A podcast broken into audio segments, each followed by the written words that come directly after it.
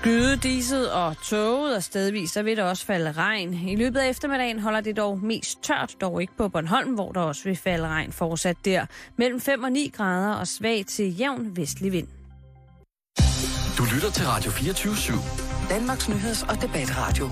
Hør os live eller on demand på radio247.dk. Velkommen i Bæltestedet med Jan Elhøj og Simon Jul. Så blev det mandag. Ja, det gjorde det i den grad, og rigtig hjertelig velkommen til indenfor her i, øh, i Bæltestedet. Har du haft en god weekend, Jan? Ja, det synes jeg. Den har været meget, meget stille og rolig. Du har været dans moderne? Det, ja, det har jeg også. Eller prøvet i hvert fald. Jeg kunne, godt ikke, jeg kunne ikke helt følge med de unge. Nej, det skal du også. Du skal De lade være med kan- at prøve på at følge med dem. Du skal bare stå og se cool ud. Ja, men jeg prøvede også. Uh, en af alderdommens laster, det er, at man ser mere cool ud end andre. Fordi at man rent, altså folk kan godt se, at man ikke kan og har fysisk ekvilibrisme til at danse. Man har ikke noget overskud, man kan ikke mere. Så det er et spørgsmål sig... om promille. Mener du det? øh, Hvis du bliver meget, meget fuld, danser du så? Jeg bør sikkert være meget fuld. Jeg, jeg ynder at danse en gang imellem. Hvis jeg virkelig er øh. Vildt, vildt at mandagen skal starte sådan her, Jeg, kære venner. jeg kan endnu, Simon. Jeg Jamen, kan endnu. Okay, så er det bare mig, Ja. at øh, min øh, langiersko klemmer forkert. Så prøv med hyttesko. øh, det har været en af de første, første hvad hedder det, weekender mm, for alvor i Københavnstrup med, med nattefrost. Jeg har skrabet sne af bilen, og jeg har set folk falde. Ja, jeg har fundet min susko frem. Jeg har øh, set øh, folk prøve at hive frosne grene ud af deres bil. Der er, jo- Hvordan det? jamen, øh, Altså ud af bilerne. våd gren op i snepøl på, øh, på bil. Sne smelter. Nå. Gren falder Sådan ned i en, vand. En, en bodil. Frost igen. Gren på bil. Bil med gren. Sådan Wow. et bodil efterspil. Ja, det har der jo været. Jeg synes jo, nyhederne virkelig har koncentreret sig meget om, øh, hvor galt det er gået Ja, ja, for mange Det mennesker. ser også ud, som om det er gået rigtig, rigtig galt. Jeg synes, der øh, har været... Øh, jeg synes bare, det er en skam, at Vikingskibsmuseet stadig er der. Og, det, og, det, og ja, det sagde jeg. Det trænger sgu... Jeg elsker Vikingskibsmuseet, men det trænger til en fornyelse. Vikingskibsmuseet i Roskilde, det er fantastisk. Historikken omkring weekenden i Roskilde Fjord, det fortjener bedre. Det, jeg, jeg, jeg synes, når de har været, når, når, når det har været så ubehageligt for folk i Jyllinge og i Roskilde også, det er sådan nogle siger, hvorfor står... Altså, det trænger virkelig. Kan de ikke have fået skimmel? Kan de ikke have et eller andet, så at der, det, det fortjener at blive fornyet, Vikingskibsmuseet i Roskilde. Det er det, jeg mener med det. Mm. Jeg, Mener har, ikke? jeg har aldrig, jo, jeg har været der, men det er mange, mange år siden. Jeg Men kan rive dig rundt. sig selv. Jeg kan rive dig rundt nede ved fjord, de, de Mm. fladbundede fjordskibe. Det er Er skønt. det, er det lige så flot som det tidligere dansk, øh, hvad hedder det, Danmarks Akvarie? Er det lige så velholdt og smukt? På sådan en Mm. meget patineret måde. Ja, nu, nu siger du en meget patineret måde, så ved jeg godt, du mener smadret. Ja, men det er meget, meget flot. Nå, det er, okay. er dejlige udstillinger, når man kommer ind i der. Sådan, noget. jeg synes bare godt, man kunne have...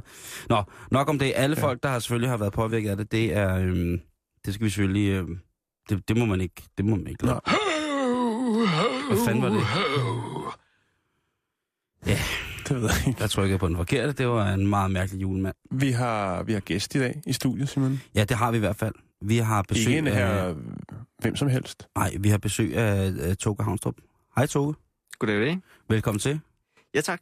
Du Det er er øh, blandt andet, udover at du er forsker, så er du også, øh, så er du, hvad hedder sådan noget, journal øh, ansvarlig, rapportansvarlig i, øh, i Skandinavisk UFO-information, SUFOI. Ja, det er rigtigt. Og vi skal snakke meget mere med dig om, øh, om UFO'er øh, i løbet af, af timen her op til klokken 3.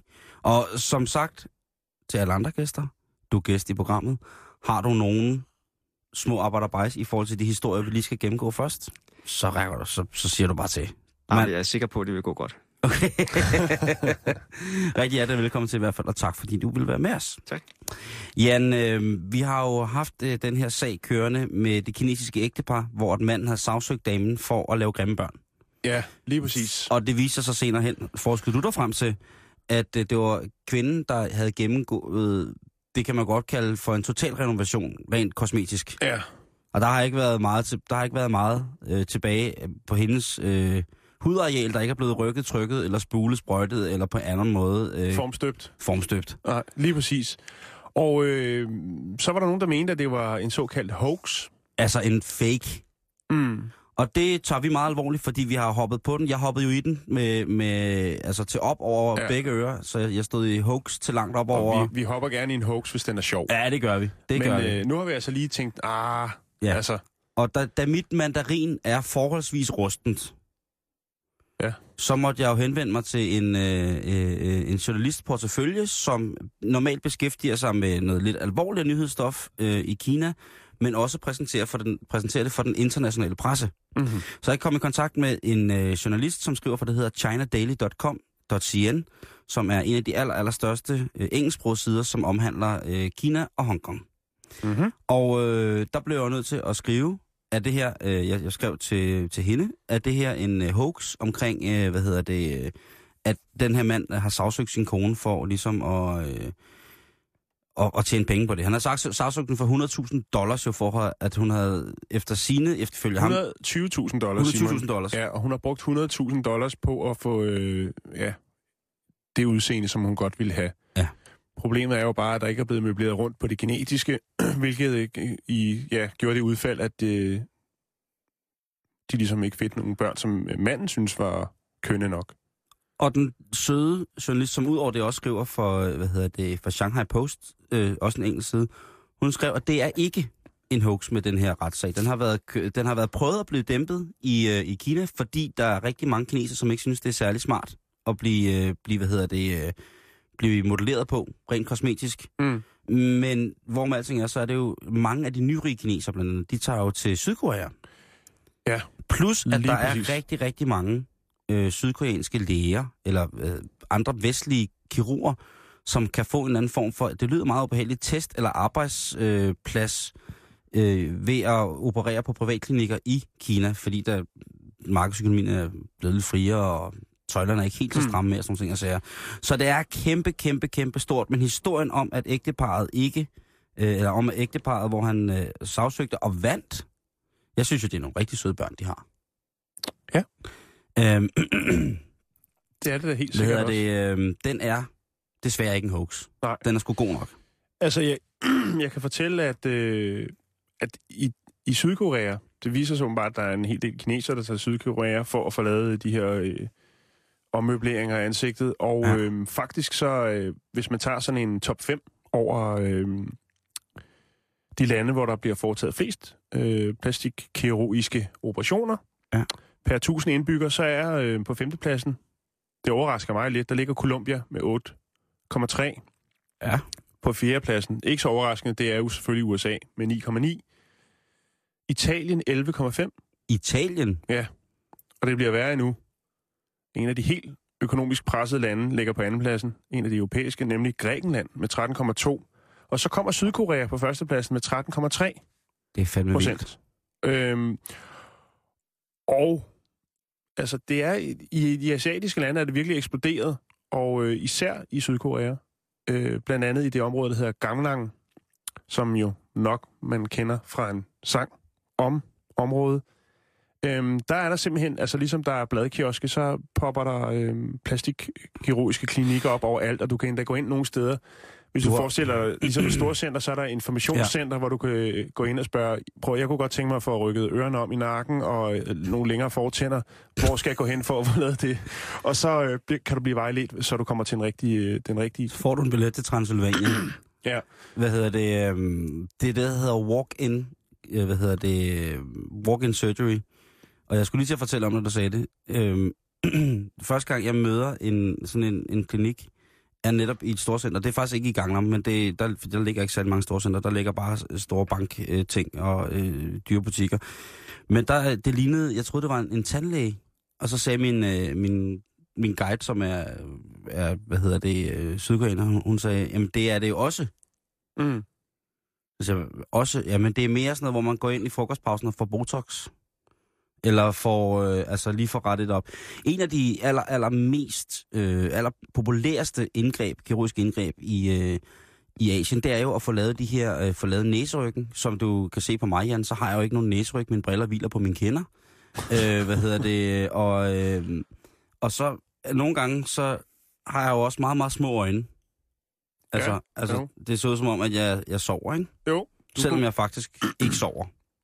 Men der er det faktisk sjovt, for når du nævner det, så... Øh, Og jeg vil lige sige færdigt Ja. med, at en af de operationer, det er at få lavet de her øh, vest, øh, vestlige øjne. Altså, øh, bare få skåret sidder- øjenlågene væk, sådan, så du altid er vågen. Det er faktisk ikke meget galt. altså, når man kigger på jer to flotte mænd, Toga og dig, ikke, så er det, altså, I har jo meget, meget mere åbne øjne, end jeg har i Mm. virkeligheden.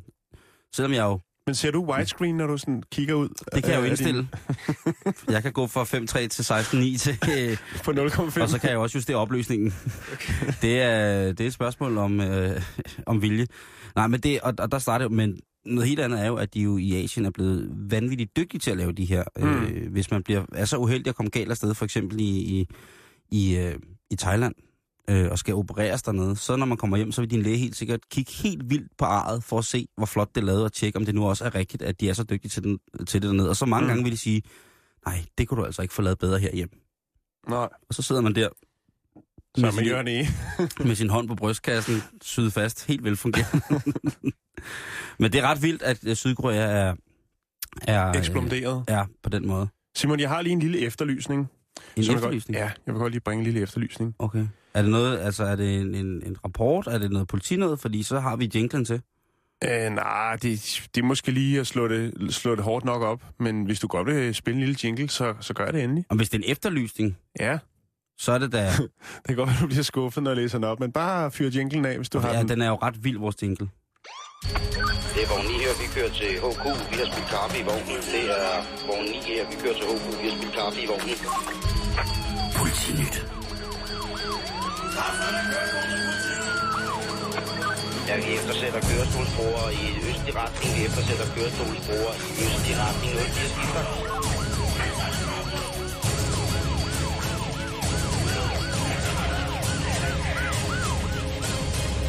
Så er der politinyt. Var det, var det for meget? Ja, det kan godt være, at øh, det er den Nå, efterlysning, fordi jeg har nu. også en så, og den, der, der skal den på. Eller der, nå, Og vi skal ikke høre den igen. nej, nej, det, eller det kan da godt. jeg vil godt have lov til at starte. Okay, du starter. Ældre herre glemte Volbeat t-shirt. Det er en lille efterlysning i, Ja, ja, fra okay. lokalavisen.dk. Det er måske lidt voldsomt, den jingle. så. Det handler om, at øh, der her den 1. december var Volbeat-koncert i Forum. Ja. Og øh, Det kan specielt vores øh, teknikwiz Jakes huske. ja, for han bor lige ved siden af, han kom for sent på arbejde, Han fordi han, i skulle have sovet. fordi de spillede lidt højt. Han bor lige ved siden af Forum. Nå, men i hvert fald så er der en, øh, en, øh, en kvinde ved navn øh, Tina Kirk, som i, på lokalavisen DK efterlyser den her ældre herre, som har glemt sin øh, nyerhvervede Volbeat t-shirt til koncerten øh, op på tribunen. Og spørgsmålet er, om han har stået og følt det så rock, så han var nødt til at smide t-shirten og stå i bar mave, og så Ja. har glemt at få den med. Eller den måske han har hængt den til tørre, fordi den var, var blevet gennemblødt af alt det rock. Det kan være, det var Satan Claus. Det kunne godt være, men altså, hvis man nu øh, er en ældre herre, der var til Volbeat-koncert, øh, så kan man finde Tina Kirk på Facebook og lige skrive Nå. den t-shirt der. Det, det, det er meget sødt, og også det, at ligesom at lokalavisen siger, det er en stor sag, den her.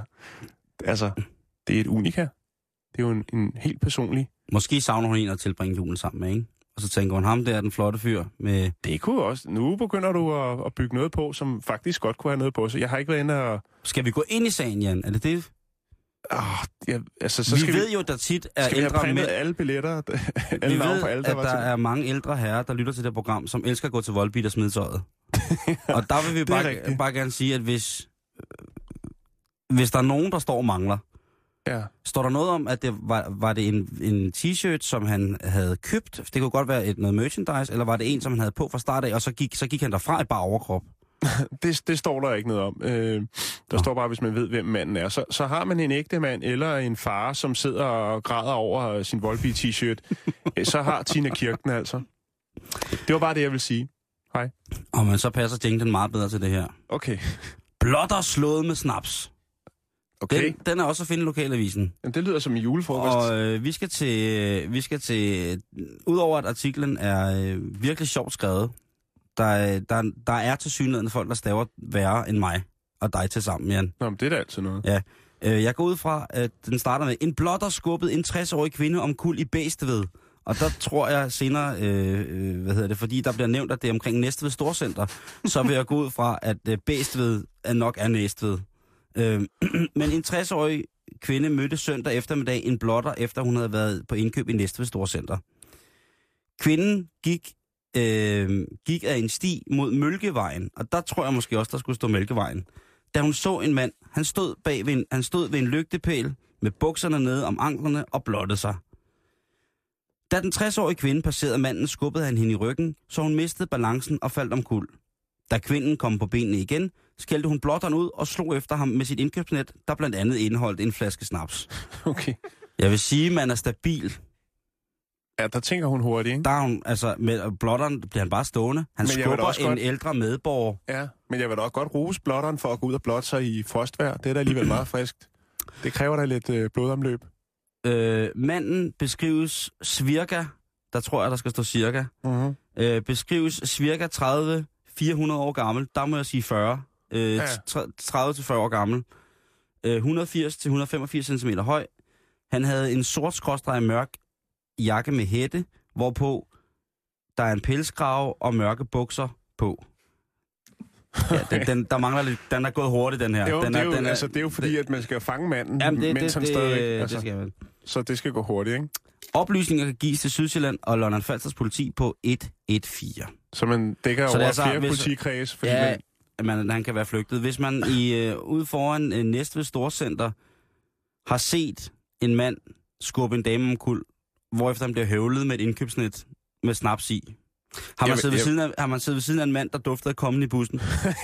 jeg tænker, hvis man har siddet ved siden af en mand i toget, som har øh, sådan et akvavit-stempel i panden Ja. fra bunden Og af... et en, øh, malteserkors. Ja, Nå ja, hvis han lige er blevet, har fået sådan en, en, en de, de danske spritfabrikker, Ja. så kan man altså henvende sig øh, til Sydsjælland og Lolland Falsters politi, mm. og vi hjælper selvfølgelig gerne. En sådan uskik skal ingen mennesker udsættes for, Nej. og specielt ikke op til jul, vel? Nej. Nej. Skete der noget med snapsen? Det melder rapporten ikke noget om. Okay. Øhm, det melder den faktisk ikke om, men det, er jo- det, er jo, det er jo en tyk flaske, ikke? Det er det.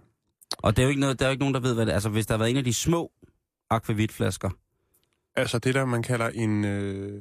Åh, det ved jeg ikke, en slåskamp på flaske? Nå, okay. Nej. Nej. øh, det kan jeg ikke lige huske. Det var... I sidespring med maltener, malteserkors. Nej, jeg kan ikke huske det, Simon. Tryllevæsken. En, en kylling hedder det. Nå, det er de små der. Okay, hvis man bliver slået med den, det tror jeg sgu... Hvis man bliver slået med, med 4 cm snaps, det tror jeg ikke, der er nogen, der dør af. Andre, Forhåbentlig end, øh, andre end mig. Men det var politinyt. Ja, ja. Det, øh, Det, det var godt. Det er, jeg er glad. Jan, jeg har lige noget, vi skal... Øh, øh, noget, noget dyrerige. Ja. Som vi skal, vi skal igennem. Mm. Øh, to ting. Øh, jeg vil lige spille et lydklip for jer. Også øh, for dig, Toge, hvis du er klar. Ja, tak. Og det kan, det kan gå hen og blive, øh, blive voldsomt på et tidspunkt. Øh, marker, hvis jeg skal skrue ned. Ja.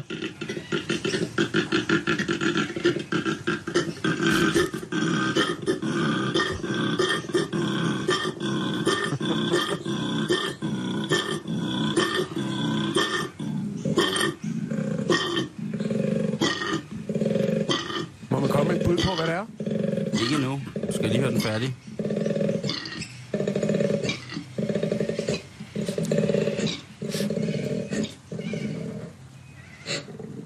Ja, så må man godt byde ind. Umiddelbart så minder lyden mig om, øhm, når man har købt sådan en, øh, en, en cola på sådan en fastfood-restaurant. McDonald's for eksempel. Og så man lige skal have det sidste cola med nede i bunden. Den lyd. Altså, hvor man suger. Ja, lige præcis. Jeg umiddelbart så troede, jeg, der var nogen, der havde optaget mig, der sov.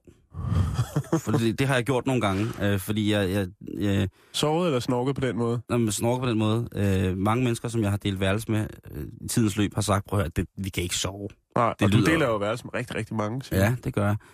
Øh, vi kan simpelthen ikke sove. Det er forfærdeligt, det her. Det øh, både ikke kun lyden, men også bunden i snork er vold, så voldsomt, at vi simpelthen ikke... Så jeg har jo tit optaget mig selv for øh, at, at høre, hvor voldsomt det er, når jeg snorker. Og det er meget voldsomt, når jeg snorker. Mm. Og det kunne faktisk godt lyde sådan. Men det er hverken jeg eller Hvad siger nogen... Toge? Har du Har noget du et bud? på, øh, hvad det kunne være? Øh, jeg tænkte på, om det var kantinen, hvor jeg arbejdede eller sådan noget, men det tror jeg ikke, det var. Kantin, nej. Det her, det er en uh, koala i brunst. ah. Og øh, det er fra, øh, fra, hvad hedder det, fra videnskab.dk, som har, har hvad hedder det, øh, oversat en artikel, eller kommenteret på en artikel, som ellers blev offentliggjort i det, der hedder Current Biology, som er en større tidsskrift, som mm. øh, hvad hedder det, forskningsmæssige øh, hensyn og publicerer artikler. Men koalaen kan lave den her lyd, og det havde man ikke troet, fordi koalaen er jo et dyr, som ikke er særlig stort i virkeligheden. Det, det kan jo blive ret stort, men normalt så kan dyr af den her størrelse altså ikke generere så voldsomt en lavfrekvent grønten som det her dyr. Så det er ret øh, fantastisk. Og det man har fundet ud af, det er, at koalaen, nu sidder jeg jo alle sammen her lidt i halv tre og tænker, gid, der kommer noget info om koala, og det gør der så nu. Fedt, fedt. Tilbage. koalaen, koalaen har et ekstra sæt stemmebånd, placeret uden for strobehovedet. Og øh, det gør altså den, det, Det det, er det, forholdsvis lille punktdyr i stand til at kunne altså, klapre så hårdt eller langsomt og kontinuerligt med sin stemme, stemmelæber. Altså det frembringer den her. Og man mener, at det er hannerne, som kalder til parring. For ligesom at vise, mm. Hvor, hvor, hvor voldsomt det er, eller hvor, hvor klar de er, Hvor vildt det bliver. ja, hvor vildt det bliver øh, med oppe i eukalyptustræet. og koala far skal give koala mor en svingtur.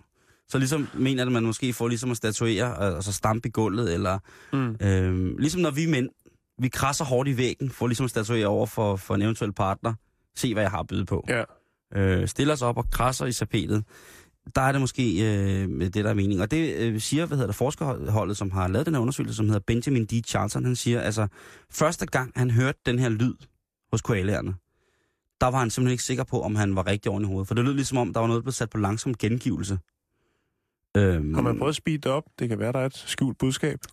det ved jeg ikke, men hvis man kommer fra øh, Sussex i England og studerer koalaer, som jo altså mildestalt og retmæssigt hører til på den anden side af jordkloden, så er det jo klart, at så er der alt jo spændende ved koalaen. Mm. Fordi jeg tror, hvis man bor øh, tæt på nogle koalaer, en koala-familie, ikke, så tror jeg da, at så ved man godt, at når den der lyd lyder, så, Så skal man stå op. så skal børnene tidligt i seng. De skal have noget hovedsaft, fordi så, så er det going on i koala-land af. øhm, samme forsker, Benjamin, øh, han fortæller, at tonelejet på det her brøl er omkring 20 gange dybere. Altså En Barry White. dybere, end hvad man kunne forvente af et dyr øh, med samme massefylde. Så der er koalaen igen helt specielt, udover de mm. Altid er lidt påvirket af at spise eukalyptus. Så kan den altså lave den der lyd. Det synes jeg bare, at... Øh, Så hvis man hører den, når man ligger og soler sig ude i haven, så skal man... så er det enten mig, der sover, øh, er faldet om bag jeres hæk og snorker helt vildt, eller så er det en utrolig lysten koalabjørn. Mm. Øhm, inden vi skal til at snakke om UFO, Jan. Ja, så jeg vil lige fortælle en lille Ja. historie fra England. Øhm, og det handler altså om en ung herre, som øh, hedder Peter Clapworthy, hedder han. Clapworthy, og han øh, tænkte, min søn, han skal have den nye Xbox. Det er den, der hedder One... Øh, hvad hedder den? Xbox One Day One hedder den, vist. Ja, ikke konsol. noget den? konsol. En Jamen, jeg, konsol. jeg kender ikke konceptet Xbox. Nej, nej, nej, det gør jeg heller ikke. Men, Yes! Men i hvert fald, så finder han den øh, på eBay og tænker, der er den. Og den er en- endda til en god pris. 750 dollars, så godt og vel 4.000 kroner. Ja, det er en god pris. Og øh, tænker, den køber jeg. Mm-hmm. Han bemærker ikke, at der står i, det, altså den er i den rigtige kategori inden for spilkonsol og så videre, men der står billede af, og så står der Xbox One Day One. Han øh, tænker, yes, der er den, den skal jeg købe. Han øh, går ind og klikker, og øh, så får han et brev. Det brev, han får ind ad døren, det er et billede af den Xbox. Det vil sige, at han har købt et billede af en Xbox, og ikke en Xbox. Idiot. og øh, han, han- han brokker sig endda lidt og siger, at det, det print, han har fået af den Xbox, er ikke engang specielt godt. Altså, det er sådan lidt rødligt i det. Der har været for meget magenta i, øh, i, i printeren, så det er, ikke engang, altså, det er ikke engang noget fedt billede, han har fået. Nej. Øh, men han, han kan ikke rigtig gøre noget, fordi der står i beskrivelsen i den her Xbox, der står der billede af Xbox. Det har han ikke tænkt over, men han har jo fået, hvad han har betalt for. Og øhm, nu skal jeg lige se, om jeg kan finde, hvad Men det var. 700 dollars. 700 dollars, du. Og ingen, øh, ingen julegave til hans fireårige søn. Jeg skal lige se, hvad det var, der stod. Øh, han fik, han fik øh, et lille fin øh, notits på bagsiden. Skal jeg lige prøve at se, om jeg kan finde det, Simon. Har du, har du nogensinde prøvet... Altså, jeg har nogle gange købt nogle ting, hvor jeg tænkt... Altså, hvor man har kørt ud for at se på det, og man tænkt, tænkt at der er nogen, der sætter det i, i en blå vis. Vi er jo glade for, for, for nyt og gammelt mm. her. Øh, specielt også øh, med julegavehjælpen, som vi har. Mm. Øh, er det spændende, ikke? Jo. Øh, Der stod bare bag på, øh, på det her stykke papir, stod der bare, tak for dit køb. Han har fortalt sin bror det, han græd og grin, han har fortalt sin mor det, øh, om den her øh, lidt uheldige sag, og hun øh, sagde, at han var for dum. Så ingen opbakning til, fra familien af. Øh, er det i USA, det her? Jeg kunne næsten godt forestille mig, Nej, at, øh, det er i England. Okay. Øh, nu skal vi lige snakke om mode, lige hurtigt, Jan. Mode? En ny mode.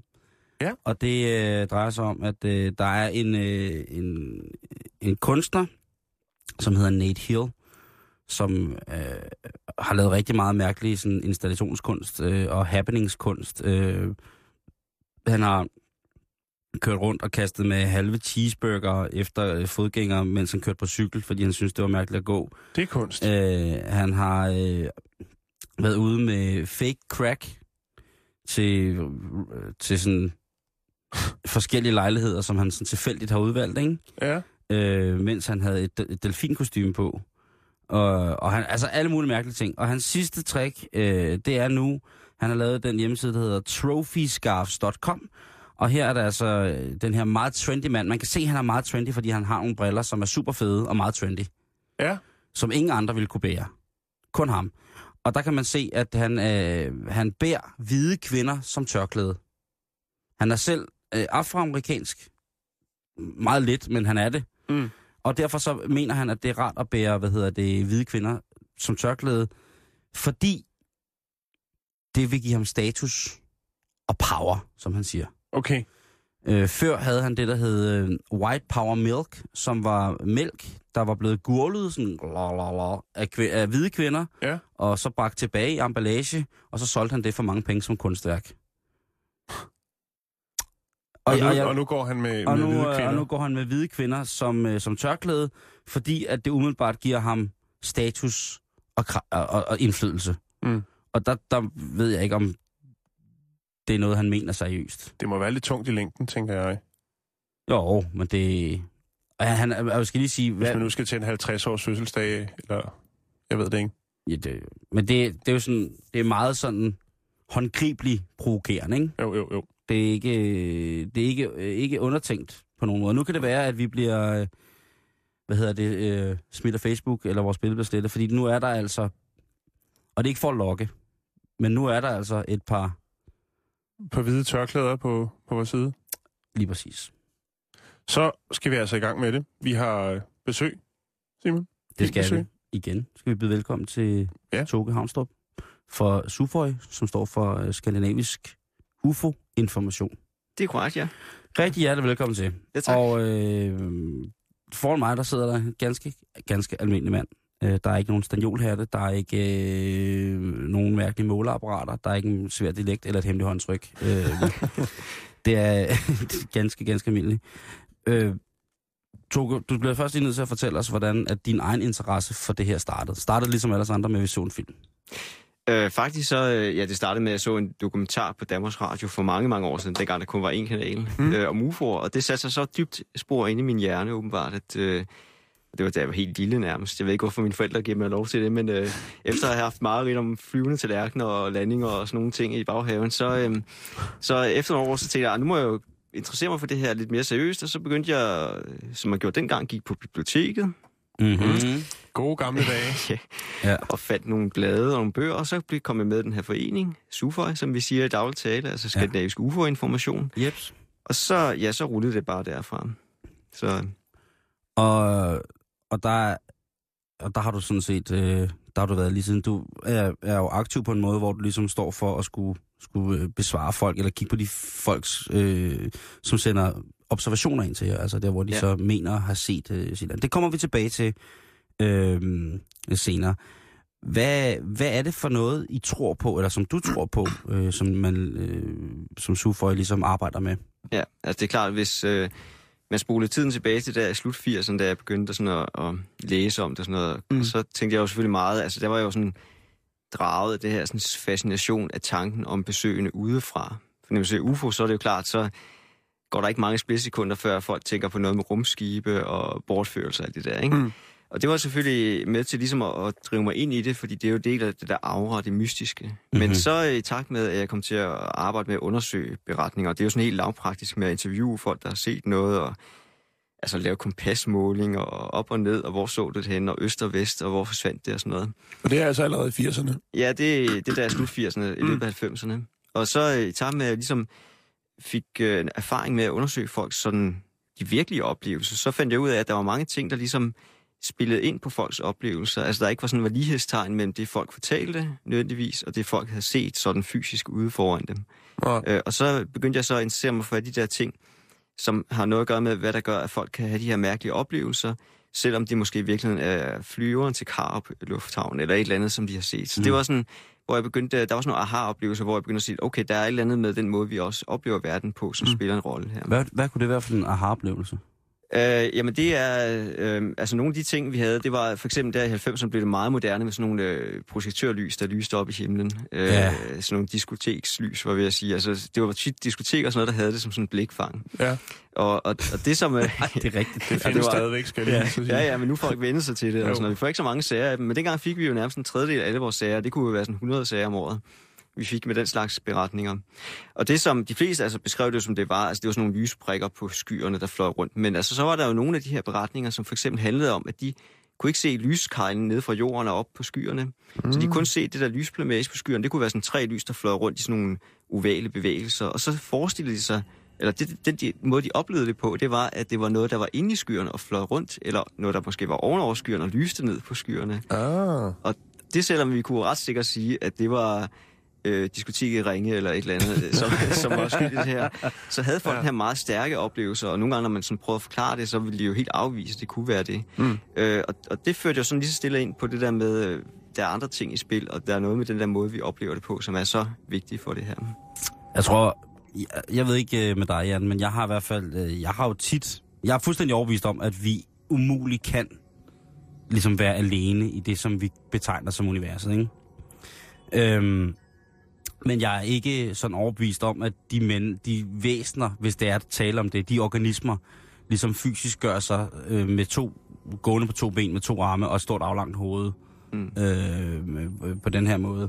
Øhm, men, men hvordan har du selv øh, oplevet de her ting? Altså har du selv set nogle, øh, nogle UFO'er, eller har du haft nogle Ja. observationer, hvor du tænker, den kan jeg alligevel ikke forklare mig ud af? Desværre har jeg ikke selv set noget, og det er egentlig til trods for, at øh, jeg faktisk er interesseret for det er amatørastronomi. Det er sådan noget med at trække en kikkert ud. mm. En kold vinternat, det er bedst, hvis der er 10 graders frost, ikke? Og stå og glo op i himlen i mange timer. Og jeg har også været med i, i en sektion, hvor vi lavede sådan noget med, at vi skulle tælle meteorer, så det var sådan noget med at sidde i drømmesengen der, eller hvad hedder sådan noget, i sådan en, øh, til, læne sig tilbage, og så kigge op mod et bestemt punkt på himlen i flere timer, og så notere hver gang, der kom et stjerneskud. Så altså, jeg tror mig, jeg har brugt mange timer på at kigge på himlen, og desværre ikke set noget, som øh, jeg ikke kunne forklare bagefter, men jeg har da haft en mystisk oplevelse i den forstand, at det er noget, der overraskede mig, og som jeg så bagefter kunne finde en forklaring på. Altså, man lægger for eksempel mærke til, og det er også noget, vi får beretning om, øh, om natten, når man sådan helt stille nat, så kan man høre lyde på landet. Altså af fugle, der trækker for eksempel. Ja. Det kan være sådan meget mærkelig lyd, sådan hen over himlen, og, og det er første gang, man hører det, der bliver man altså sådan en lille smule... Øh, altså, tænk, hvad fanden er det? Så derfor så, øh, og jeg har set meget kraftige meteorer og sådan nogle ting, men altså ikke noget desværre, altså medmindre jeg har været bortført eller sådan noget. Hvad, hvad, er de sådan, hvad er de mest sådan, almindelige forklaringer på det, som folk ser? Ja, altså de mest almindelige ting, øh, det er i øjeblikket, der er der enormt mange beretninger om sådan nogle øh, små øh, luftballoner, kan man kalde det. Altså sådan nogle bitte små balloner, eller de er måske en meter i højden, som folk bruger til, når de holder sølvbryllup eller fester. Sådan nogle værballoner? Ja, altså nogen kalder dem sådan thailandske lygter, eller Ja. det er sådan noget, der tit kommer fra, altså jeg tror, folk har fået inspiration fra deres ferie i Thailand og sådan noget. Det bliver jo tit brugt til, i nogle af de her lande her, hvor at de bliver brugt, så sender man måske en enkelt op, men man kan også sende 10-20 af dem op, og det er simpelthen sådan en meget let pose på en meters penge i højden, og så nede i bunden hænger der sådan et brandbart materiale, og den der varme fra det der får det til at, at lette. Mm. Og, altså, og vi får rigtig mange beretninger af dem, og det er jo sådan noget med, at folk de kan se, og det ser også mærkeligt ud om natten, jeg har selv set det. Mm. Og det, man må se, kan man nogle gange gå ud for at se 10-20 af dem på samme tid, og sådan flyver i sådan en formation nærmest hen over himlen. Jeg bliver båret af vinden lidt rundt, og så tror man Ja, ja. straks, at... Øh, Det, det er meget smukt, synes jeg. ja, Ja. det er det også. Det er det. Og det er en fin tanke. Man sender, traditionen bag det er, at man sender tanken fra mennesket højere mod himlen. Ja. Og der er gerne en lille seddel med, for eksempel. Eller man sætter en, en begravelse, så sætter man en sjæl fri, eller ved, mm. en, ved, en, ved, en, ved et barns fødsel, så, så velkommer man ligesom og takker ved at, at sende det mod himlen. Og det kan være, at man lægger lidt penge i, eller man gør et eller andet. Ris er meget vigtigt. Øhm, men ja, det kunne jeg godt forestille mig, hvis man var lidt småfuld og sad alene derhjemme. Og så lige pludselig kommer der sådan 20. Sidder og drikker snaps. Jeg sidder derhjemme og har stjålet på- en flaske snaps ved bæstet. og der så lige pludselig stiger, øh, stiger sådan der. Men, Men- det, det, vi sad og snakkede, inden, vi, øh, inden, inden du kom, eller ikke inden du kom, vi sad og snakkede, øh, lige inden vi gik i studiet her, om, øh, om, hvad hedder det, Venus for eksempel. Det der med, at man tit læser om, at folk har kørt afsted Ja. i bil, og så altså, er Altså- de blevet overvåget. De er blevet forfulgt. Det er noget af det stærkeste, det er, hvis folk føler sig forfulgt af et eller andet fremmed. Det kan man jo også mm. godt sætte sig ind i et eller andet sted, ikke? Åh oh, jo, oh, jo, mig. en ting er andre bilister, der forfølger en, men altså er sådan et eller andet, der flyver rundt på himlen og forfølger en. Men Ja. det der er med Venus, det er jo, for dem, der ikke lige kan placere Venus sådan på landkortet, så er det jo en planet, der befinder sig tættere på solen end jorden. Mm. Øh, men den, den ses i øjeblikket som sådan en morgen, øh, slår en aftenstjerne, det vil sige, at hvis man gerne vil se Venus i øvrigt, og får en klar aften her inden for de nærmeste dage her, eller bare uger, så kan man lige gå ud efter solnedgang og kigge mod sådan sydvest, og så vil man se sådan meget skarp lys på Ja. himlen. Og det er Venus. Og det er sådan lidt forbrugerinformation også. Men, men, det er skide øh, godt. Det skal, det skal vi have to. men bortset fra det, så øh, det der sker nogle gange, det er, at folk kommer kørende bil på landevejen. Og så øh, hvis Venus står meget lavt på himlen, og det gør den jo tit, fordi den er tættere på solen også end jorden, så øh, ses der sådan meget, meget kraftigt lys. Og det, der sker, det er, at når folk ser det, så tænker de ikke først på Venus. Så tænker de på, det var da et mærkeligt lys, der er lige hen over træshoppene derovre, måske 100 meter væk. Ja. Og så tænker de, men det følger jo med mig, fordi jeg kører i bil om 80 km i timen, og den er der stadigvæk derovre. Og så tænker de, det kan det være, at jeg skal prøve at stå op og se, hvad der sker. Altså, hvad er det for noget, det der? Så stopper de om, og så bliver den jo ved med at hænge derovre, fordi at den er jo Venus er meget langt væk, så den flytter sig generelt ikke, når man bevæger sig og sådan noget. Øh, og så det vil sige, så tænker de, det var sgu mærkeligt. Så øh, den hænger der stadigvæk, og så kører de videre, og så følger den med dem igen. Altså, så kan man godt ligesom sætte sig ind i, at, at de forestiller sig, at det er 100 meter fra mig, og det forfølger mig, og det følger mm. min bevægelse. Ja, ja, ja. Så det vil sige, det er ligesom noget, der forfølger. Altså, det har øje på mig. Men det, har ikke, det er ikke 100 meter fra dem jo. I, I virkeligheden så er det mange, mange tusind kilometer væk, så det er rigtigt. Ja. Og det er det der er pointen, at øh, afstanden gør jo, at, at det slet ikke flytter sig. mm. Så. Tror du, der er nogen, der, der går og spekulerer, altså ligesom med de her korncirkler, tror du, der er nogen, der går og, og brygger på at sende nogle ting op, øh, op i, i luften, som så kan gøre, at andre observerer, og siger, åh, se det, der flyver der, det ser da mærkeligt ud, og så altså, ja. Ser, om, om der er nogen, der hopper på den, og ligesom fortæller det videre, eller tager et billede, og det kommer i, i pressen eller noget. Tror du, der er nogen, der, øh, Ja, der går sker. bevidst og... og Altså det sker, vi har haft nogle få sager gennem tiden. Det er ikke sådan noget, vi ser så meget af, men, men det sker, at folk for eksempel sætter en drage op. Øh, det havde vi en sag tilbage i, ja, det er 20-30 år siden i Aalborg, hvor at øh, nogen har sat sådan en drage op med lys i. Sådan noget blinkende lys. Og det ja. gav jo nogle beretninger. fordi at, øh, det var alligevel også lidt mærkeligt. Og så, øh, men vi havde så den, det held, at vi havde flere observationer af det samme, så vi kunne ud fra sådan noget sigtelinjer og trigonometri og sådan, så kunne man ligesom øh, finde ud af, hvor var det hen, og så var det hen over sådan en park, og så kunne man ligesom efterlyse, og så til sidst gik de her mennesker også til bekendelse, kan man sige, efter det havde været i medierne og sådan noget, Ja. at fortælle, at, at de havde underholdt sig med det. Så det, øh, det sker, at vi får sådan nogle, og der er også nogen, der laver billeder, som er fup, øh, og det har vi både fået før digitalkamera, men også efter, fordi det er jo selvfølgelig nemt med sådan noget Photoshop at lave et eller andet, men Mm. heldigvis kan man jo tit se, hvis man går sådan lidt ind bagved og kigger Ja. nærmere på det, hvad det Men er. der findes jo rigtig gamle billeder Ja. med UFO'er. Ja, det er jo også... Det er jo så også nogen, der har siddet hjemme og rykket lidt rundt på noget papirklip. Det er nogle af dem i hvert fald, Ja. og nogle af dem er ret nemme i dag, og, og, fordi i før tiden var det svært, før computeren kom sådan ind i billedet, men nu Mm. er det ret nemt at lave sådan noget analyse, hvor man simpelthen ved at lave nogle kontrastforstærkninger og sådan noget, kan se nogle detaljer. Og så der er nogle af de gamle billeder, hvor der simpelthen er dukket sådan en fin streg op hen over Mm. UFO'et, som tyder på, at der har været sådan en fiskestang og sådan en snøre, ikke? Så det er utroligt så meget, den her UFO, den ligner en pH-lampe. Ja, ja. Så det er der også, ja. Er der nogle klassiske eksempler? øh, Nu snakker vi lige om, om, om det her med hoaxe øh, i starten af programmet, ikke med, med den her retssag i Kina. Er der nogle sådan helt klassiske eksempler på i Danmark på sådan dårlige, dårlige, dårlige forsøg på at overbevise øh, non-believers om, at, øh, at det, det her findes? Altså, hvor vi, hvor vi, ligesom du snakker om før, altså, man kan se snoren, eller der er et eller andet. Altså, vi får en gang imellem, og det er sådan for efterskoler og sådan, hvad kan man sige, øh, med kreative fag og sådan noget, så, øh, så kan vi se, at vi nogle gange får sådan nogle, øh, sådan nogle elever, der har lavet et eller andet billede og sådan, og så, altså det er så ikke så meget, det er mere min kollega har, der har for specialiseret sig i det der med at undersøge de der billeder der. Mm. Men han går så ind, og så kan man jo ved at lave forskellige de her teknis, tekniske detaljer, altså fremhæve kanter og sådan nogle ting, så kan Ja. man så vise, at det er nok et eller andet, der ligesom er blevet konstrueret i, i øh, Photoshop eller sådan noget. Så det er heldigvis, øh, så vidt generelt øh, relativt nemt at, at spotte de der tegn Mm. på, at der er manipuleret. Så, så ja, altså vi får, det er, det er ikke sjældent, at der er sådan en efterskoleelev eller gruppe, der har haft den kreativ Det er dem, der er bedst til det med Photoshop, så det... Ja. det øhm, hvis man nu kigger lidt øh, udefra på det her, øhm, så som ind i sådan en, en altså sci-fi-verden vil jo nogen, vil nogen sikkert gøre det til, eller vil ligesom have sådan en form for forestilling om, at, at det er det helt store, øh, altså at man tror og tror og tror og tror på, på, på UFO'er, ikke? Mm. Øhm, eller man tror på, ja det må vel være, være UFO'er, altså øh, et eller andet sted, når det nu hedder, Ja. hedder det. Men øh, kan man ikke spørge os om, om, hvad hedder det, det du laver i virkeligheden er at tjekke tingene efter i sømne? Jo, altså det har sådan lidt karakter af detektivarbejde, Mm. det vi gør. Altså øh, man kan sige, at ordet UFO betyder sådan set kun øh, uidentificeret flyvende objekt. Øh, Ja. Men øh, det er klart, at den måde, som 99,9 procent af folk tænker om UFO, det har noget med rumskibe at gøre. Ja. Og det, øh, det er sådan noget, vi er jo ligesom bevæget os væk fra, fordi vi rent faktisk, øh, på grund af vores, at vi har undersøgt omkring 15.000 sager gennem årene. altså da op. siden 57. Øh, 15.000? nej, fem, ja, 15.000 er der undersøgt. Altså det er jo både nogle sager, der er bare et stykke lappapir med nogle noter på, men der er altså også meget grundige sager iblandt. Ja. Øh, og man kan sige, øh, det vi har lært, det er, at øh, det, der virkelig spiller en rolle for de mere mystiske sager, det er ret ofte øh, det, at folk har ligesom set noget, der egentlig er naturligt, et stjerneskud for eksempel, eller Venus, og så er der nogle forhold, der gør, det så, gør sig gældende, og det gør det meget mærkeligt. Men det er rigtigt, altså de fleste tænker jo, at UFO det er noget med rumskibe. Øh, så, så det, øh, det er meget normalt. Hvad tænker du der?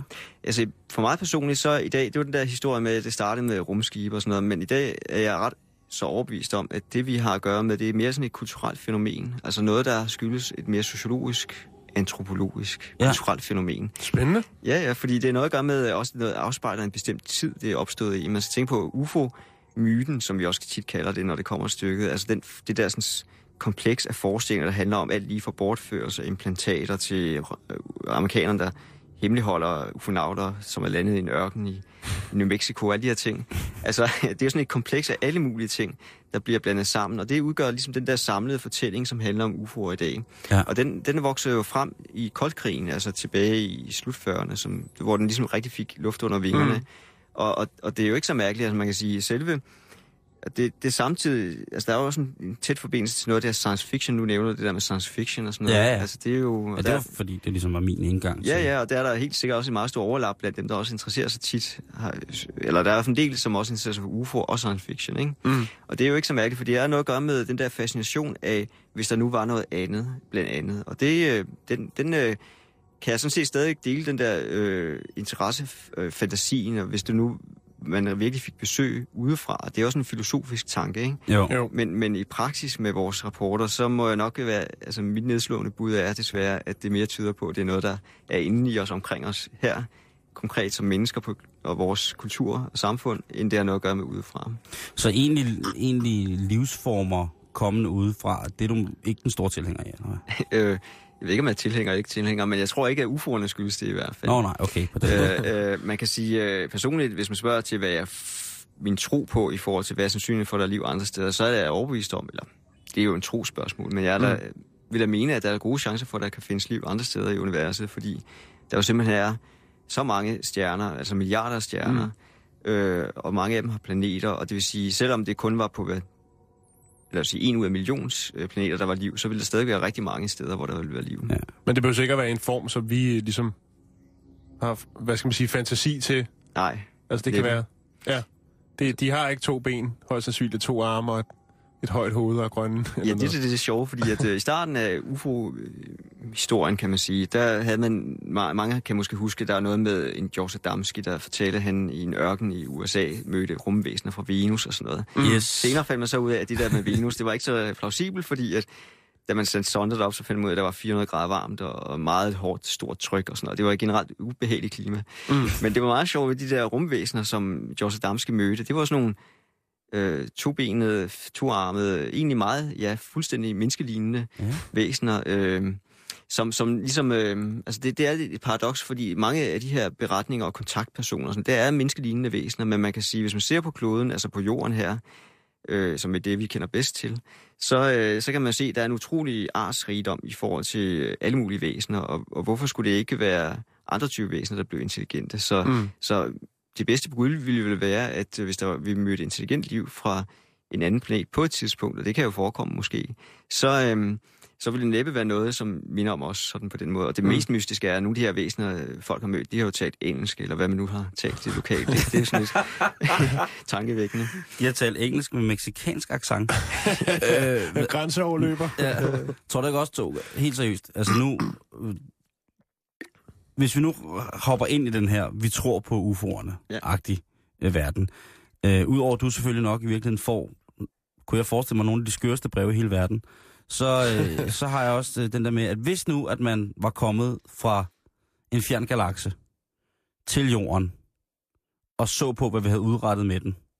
Hvis man nu, altså lad os antage, at man er en, øh, en civilisation, som er så. Mm. udviklet, at de kan rejse lysår, altså rejse altså fuldstændig ubegribelige afstande. Ja. Og stadig øh, ligesom være, kan, kunne, kunne leve og sådan nogle ting og sager.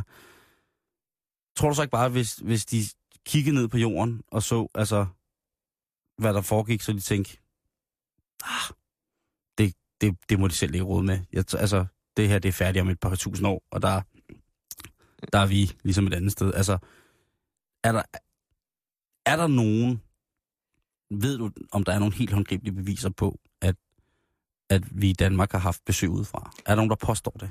Ja, der er nok. Øh, der er helt sikkert nogen, der påstår, at de har oplevet et eller andet. Altså man kan sige, mange af dem, der henvender sig til os, og det er uanset om de har set et meteor eller noget, vi ikke kan forklare. Øh, for der er jo også sager, vi ikke kan finde en forklaring på, øh, Mm. mm. af mange årsager måske. Men, men så er der jo helt sikkert mange af dem, som, øh, som tænker, at det her det har noget at gøre med noget udefra. Øh, det er jo ikke det samme som, det er noget udefra. Men altså, øh, vi har ikke noget bevis på noget. Altså, det er, jo, det er jo netop pointen, at det, man kan sige, vi har fået ud af vores rapportarbejde, og de der mange sager, og det er jo ikke kun i Danmark, men i andre lande også, altså lignende organisationer. Ja. Det, man får ud af, det er jo ligesom... Øh, altså, hvis man ellers skal slippe den der øh, meget stærke tro på, at det er rumskibe og må være rumskibe, så hvis man kigger på rapporterne og sådan studerer dem nær- nøjere, så viser det jo så, at der er mange andre forhold, der spiller ind. Og det er jo netop sådan noget med, hvordan vores måde at opleve verden på, hvordan vi oplever afstand for eksempel, og, Mm. Ja. og altså folk jo heller ikke kan vide alt. Altså jeg mener, altså, øh, altså de er det færreste, der nogensinde har set Venus for eksempel, eller en satellit eller sådan noget. Ikke? Så, så det, når de ser, ser det den første gang, de er på ferie og et eller andet mørkt sted, ikke? Så, så bliver det meget mystisk. Ikke? Ja. Og det er jo ikke så mærkeligt, så det er jo sådan noget, vi kan hjælpe med ligesom at spore folk ind på en forklaring. Øhm, nej, så altså, det er men det er en spændende tanke selvfølgelig, og, og det er jo ikke det samme som, at, øhm, at jeg afviser, at der på et tidspunkt kan være kontakt. Altså mest realistisk vil jo nok være en form for radiokontakt, og det har nok at gøre med afstanden. Altså selvom, altså vi skal tænke på, at øh, lyset tager et, sek- cirka et sekund at nå fra jorden til månen. Ja. Mens øh, det tager os cirka 7 minutter at nå til solen. Øh, men lyset tager, hvis vi sætter en lysstråle her fra jorden til vores nærmeste stjerne af dem alle sammen, så vil det tage fire og et halvt år cirka. Mm. Og det er altså, så det er også nogle gange længere end bare det ene sekund til månen, ikke? Ja. Altså, det vil sige, at det eneste, vi er kommet så langt med mennesker, der bliver sendt ud i rummet, det er månen. Så det vil sige, øhm, det er en gigantisk stor opgave, og man kan sige, hvis, hvis folk investerede så mange ressourcer i at komme til jorden, så ville det være underligt, hvis det bare var for at flyve rundt og lande sådan Okay, på biler. få biler til at gå i stå og, og sådan nogle Ja. mærkelige ting. Altså, man kunne godt undre sig, havde vi ikke en plan fra starten af? Du, du fortalte en, en, en virkelig sjov historie, som jeg synes, vi skal dele, øh, som man siger, med lytterne, om øh, en episode i Holte. Ja, endelig. Den blev du nødt til lige at, at, at lukke op for os, fordi det var edderom morsomt. Ja, det er en lidt af en af de der specielle cases, hvor man kan sige, at den ville have været rigtig mystisk, øh, hvis det ikke var. Og det kommer senere så. Men historien er den, at øh, jeg bliver ringet op, eller vi bliver ringet op af en kvinde, som bor i Holte, og hun fortæller, at øh, hun en nat, øh, det er tilbage i 90'erne, Altså, det er Holte i Nordsjælland. ja, det er Holte, Det er Holte i Nordsjælland, ja tak. det er klart.